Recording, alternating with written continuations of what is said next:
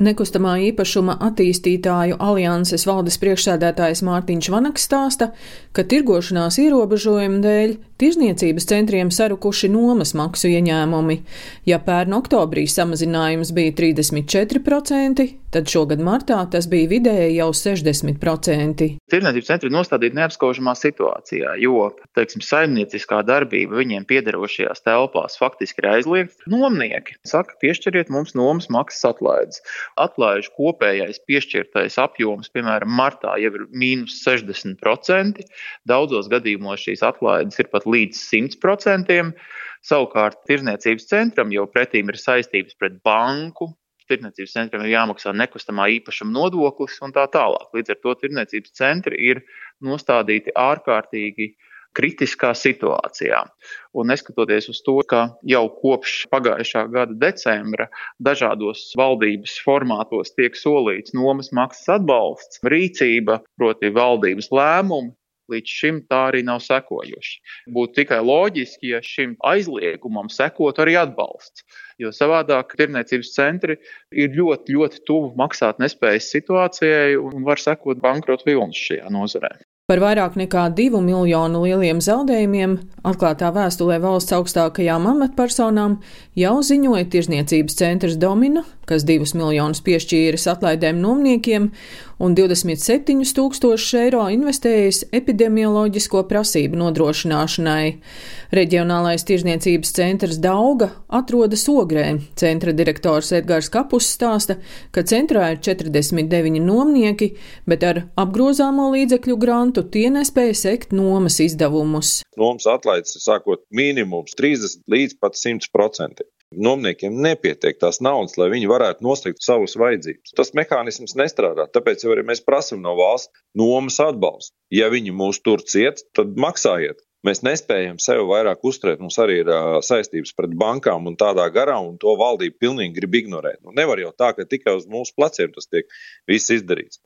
Neskatoties to, ka mums decembrī solīja, mēs paši pieteicāmies, izstrādājām drošu tirzniecību. Tas viss tie 25 kvadrātmetri nāk no mums. Vakar Finanšu ministrijas darba grupa nolēma nomas atbalsta programmai tirzniecības centriem novirzīt 20 miljonus eiro.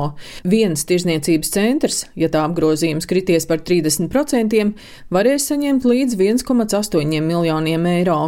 Tirzniecības centra Dauga direktors Edgars Kapusts vērtē, ka tā ir laba ziņa, bet atgādina, ka par atbalstu runā jau kopš decembra. Bet tas ir pagaidām vēl tikai projekts. Redzēsim, pilno aprakstu, tad arī redzēsim. Bet vismaz esam pateicīgi, ka ir tā grupa tomēr mūs ieklausījusies. Nu, es uzskatu, ka tā ir laba ziņa visiem, gan nomniekiem, gan arī tirgumam. Mēs jau negribam, lai mums te kaut kāds pabalsts dot. Mēs gribam, lai mūsu nomnieki var strādāt, jo tā vajadzība ģimenēm ir pietiekoši liela. Bērni nevar nopirkt ne apaus, neko. Pavasaris nāk, apģērbi ir vajadzīgi, visādas preces ir vajadzīgas. Tirzniecības centri ir viena no drošākām vietām, kur iepirkties. Gan gaisa apmaiņas ziņā, gan arī tie 25 kvadrātmetri, gan mēs cilvēku plūsmas varam kontrolēt. Sagaidīsim gala versiju, redzēsim, kā tas viss darbosies dzīvē, un tad jau arī varēsim kārtībā reizi spriest, cik labi tas ir. Bet, protams, ka tā ir laba ziņa visiem tirgumam. To, ka nepieciešama atbalsta programma nomas maksām, uzsver arī Latvijas Tirzniecības Rūpniecības kameras valdes locekle Katrīna Zāriņa.